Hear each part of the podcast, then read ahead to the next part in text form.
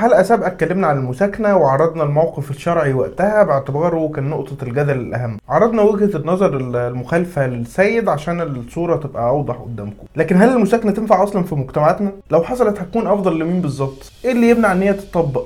وهل كل اللي ينفع في أوروبا ينفع بالضرورة يكون عندنا؟ أنا محمد شوشة ومعايا سيد حسام في حلقة جديدة من بودكاست سين جيم في دقايق.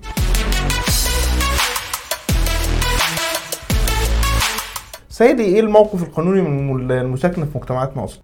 المساكنة مش حاضرة أصلا في القانون يعني مفيش أي مسؤوليات محددة. الست مش زوجة فملهاش نفقة. وكمان الراجل ممكن يطردها في الشارع في أي لحظة ومحدش هيقدر يمنعه. ده بافتراض إنها دخلت العلاقة دي أصلا بدون مشاكل من الجيران وما كانش ليهم رأي يعني في الموضوع. وبعد ده كله إحنا في مجتمع هيدمر سمعة المرأة لو دخلت في علاقة بدون زواج تحت أي مسمى. الست عندنا بتتوصم لو اتجوزت رسمي وانفصلت بيدوها لقب مطلقة يعني. فما بالك لو دخلت في علاقة بدون زواج. تخيل كمان المصيبة اللي هتقع على دماغها لو حصل حمل مثلا. بالبلدي كده الراجل ممكن يجرب بدون ما يتحمل تكلفة الزواج أو يدفع الثمن من سمعته لكن الست حياتها مجتمعيا بتنتهي.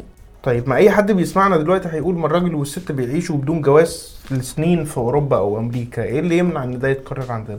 لا هي هناك ليها حقوق فعلا بتحميها العرف المجتمعي وكمان بقوة القانون. هناك في حاجة اسمها الشراكة المدنية. مثلا في بريطانيا هتلاقي قوانين بتنظم العلاقات دي زي مثلا حماية المرأة من الاعتداء عليها بالضرب أو الاغتصاب أو بأي صورة. كمان في تسجيل قدام السجلات المدنية إن فلان وفلانة عايشين مع بعض لكن بدون زواج رسمي. ده في حالة مرور سنة على الأقل من بداية العلاقة. وهنا بيبقى في حمايه لحقوق الاطفال كمان. يعني إذا انجبوا زي في استخراج شهادة ميلاد في نفقة في تعليم زي ما يكونوا مولودين لأب وأم متجوزين. وكمان القوانين بتسمح لهم بالتبني بشكل مشترك أو إنهم يتشاركوا أملاك أو حساب في البنك. وقت الانفصال بتضمن المرأة حقوقها زي المرأة المطلقة لكن بدون اسم مطلقه في كمان خيار اتفاق مكتوب بين الطرفين قبل حتى مرور السنة ديت. وده بقى اللي عايزين تفاصيل زي مثلا مين هيصرف إيه وهيصرف كام وهيعمل إيه في شغل البيت. يعني الاتفاقات دي مش بتبقى ملزمة قانونا لكن على الأقل لو حصل خلاف ووصل للمحكمة فبيأثر في رأي القاضي.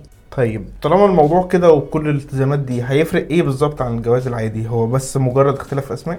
هو في طبعا فروق. فمثلا لو كان الطرفين فاتحين حساب مشترك في بنك وواحد من الطرفين مات فالفلوس اللي في الحساب ده بتتنقل تلقائيا للطرف الثاني لكن لو الحسابات منفصلة فمحدش بيقدر ياخد من فلوس الطرف التاني المتوفي أو يورث منه إلا لو في وصية مكتوبة بكده. أما بقى في حالة إن في ديون على طرف فالطرف التاني مش ملزم بيها ومش مسؤوليته خالص إن هو يسددها سواء بقى في شراكة مدنية أو مفيش. كمان في حالة الانفصال فمفيش طرف مضطر يدفع نفقة للطرف التاني. هو بس لو في حالة أطفال لو في حالة وجود أطفال هيدفع نفقة للأطفال.